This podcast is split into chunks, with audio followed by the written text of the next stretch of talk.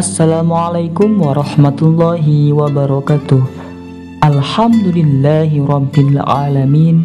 Wassalatu wassalamu ala ashrafil anbiya'i wal mursalin. Sayyidina wa maulana Muhammadin wa ala alihi wa sahbihi ajma'in. Amma ba'du. Saudaraku rahimakumullah Kali ini Mutiara Ramadan akan membahas sedikit tentang pohon keimanan Allah Subhanahu wa taala membuat satu perumpamaan tentang kalimat tauhid dengan sebuah pohon yang baik yang akarnya menghunjam kokoh ke bumi dan cabang-cabangnya menjulang ke langit. Dalam Quran Surah Ibrahim ayat 24 dan 25 Allah Subhanahu wa taala berfirman Alam taro kaifa daraballahu masalan kalimatan tayyibatan kasajaratin tayyibatin asluha sabitu wa far'uha sabitu wa far'uha fis sama'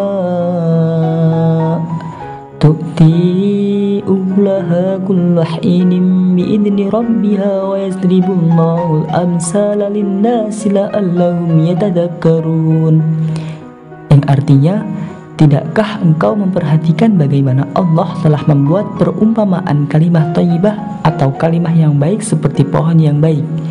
Akarnya teguh dan cabangnya menjulang ke langit. Pohon tersebut memberikan buahnya kepada setiap muslim dengan seizin Tuhannya. Allah membuat perumpamaan-perumpamaan itu untuk manusia supaya mereka selalu ingat Abdullah bin Abbas radhiyallahu anhu menjelaskan bahwa yang dimaksud dengan kalimat thayyibah dalam ayat tersebut adalah la ilaha illallah. Inilah perumpamaan bagi seorang yang murni dan benar dalam keimanan dan tauhidnya. Keimanan yang benar tersebut menghujam kokoh dalam hatinya. Ia meyakini kebenarannya, sehingga akan tampak buah dari keimanan tersebut berupa berbagai macam kebaikan, Syekh Abdurrahman bin Nasir As-Sa'ni rahimahullah mengatakan ketika menafsir ayat tersebut fakadalika sajarul iman asluha sabitun fi qalbil mu'min ilma waqtiqada wa far'uha minal kalamit tayyibi wal alamis salihi wal akhlaqil mardiyah. Demikianlah pohon keimanan akarnya menghunjam di hati orang yang beriman secara keilmuan dan keyakinan dan cabangnya adalah ucapan yang baik, amal soleh, dan akhlak yang diridhoi. Saudaraku rahimakumullah, dari ayat di atas dapat disimpulkan bahwa pohon keimanan yang baik akan membuahkan beberapa hasil yang baik pula. Di antaranya adalah satu, ucapan yang baik. Seorang yang benar keimanan dan tauhidnya akan tercermin dari apa yang terucap dari lisannya. Jika keimanannya benar, maka yang keluar dari lisannya adalah kata-kata yang benar. Karena Allah Subhanahu wa taala memerintahkan kepada orang yang beriman agar berkata-kata yang benar. Allah berfirman dalam Quran surah Al-Ahzab ayat 70. Ya ayyuhalladzina amanu taqullaha wa qulu qawlan syadida yang artinya, wahai orang-orang yang beriman, bertakwalah kalian kepada Allah dan katakanlah perkataan yang benar. Ucapan yang baik yang tidak menyakiti orang lain juga merupakan tanda keutamaan keislaman seseorang. Sebagaimana diriwayatkan dari Abu Musa radhiyallahu an, ia berkata, "Qalu ya Rasulullah, ayyul islimi afdalu qala man salimal muslimuna min lisani wa yadi." Bahwa para sahabat bertanya kepada Rasulullah Shallallahu Alaihi Wasallam, wahai Rasulullah, siapakah orang Islam yang utama?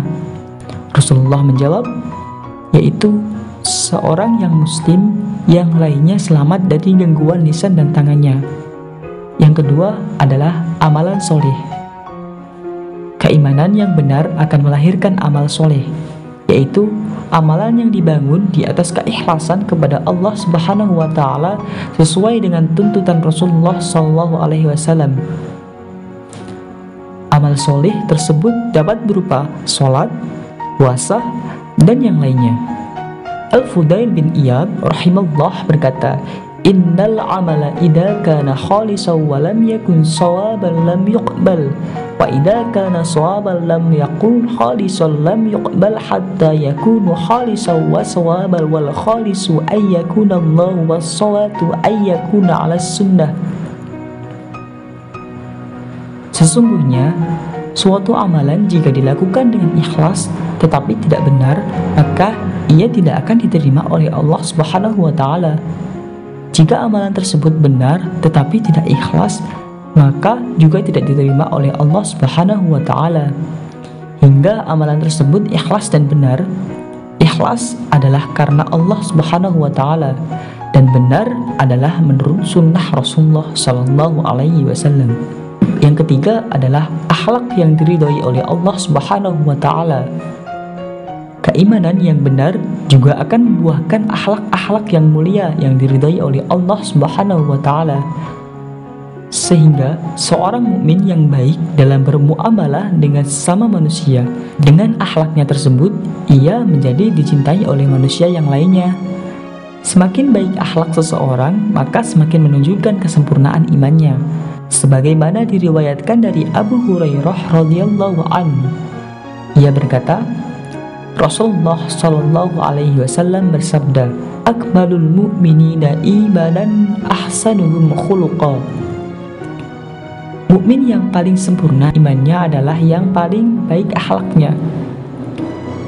Sehingga dengan demikian, mukmin yang benar iman dan menjadi insan yang mulia karena keimanannya akan mendorongnya untuk berucap yang baik. Keimanannya akan memotivasi untuk melakukan berbagai hal amal soleh.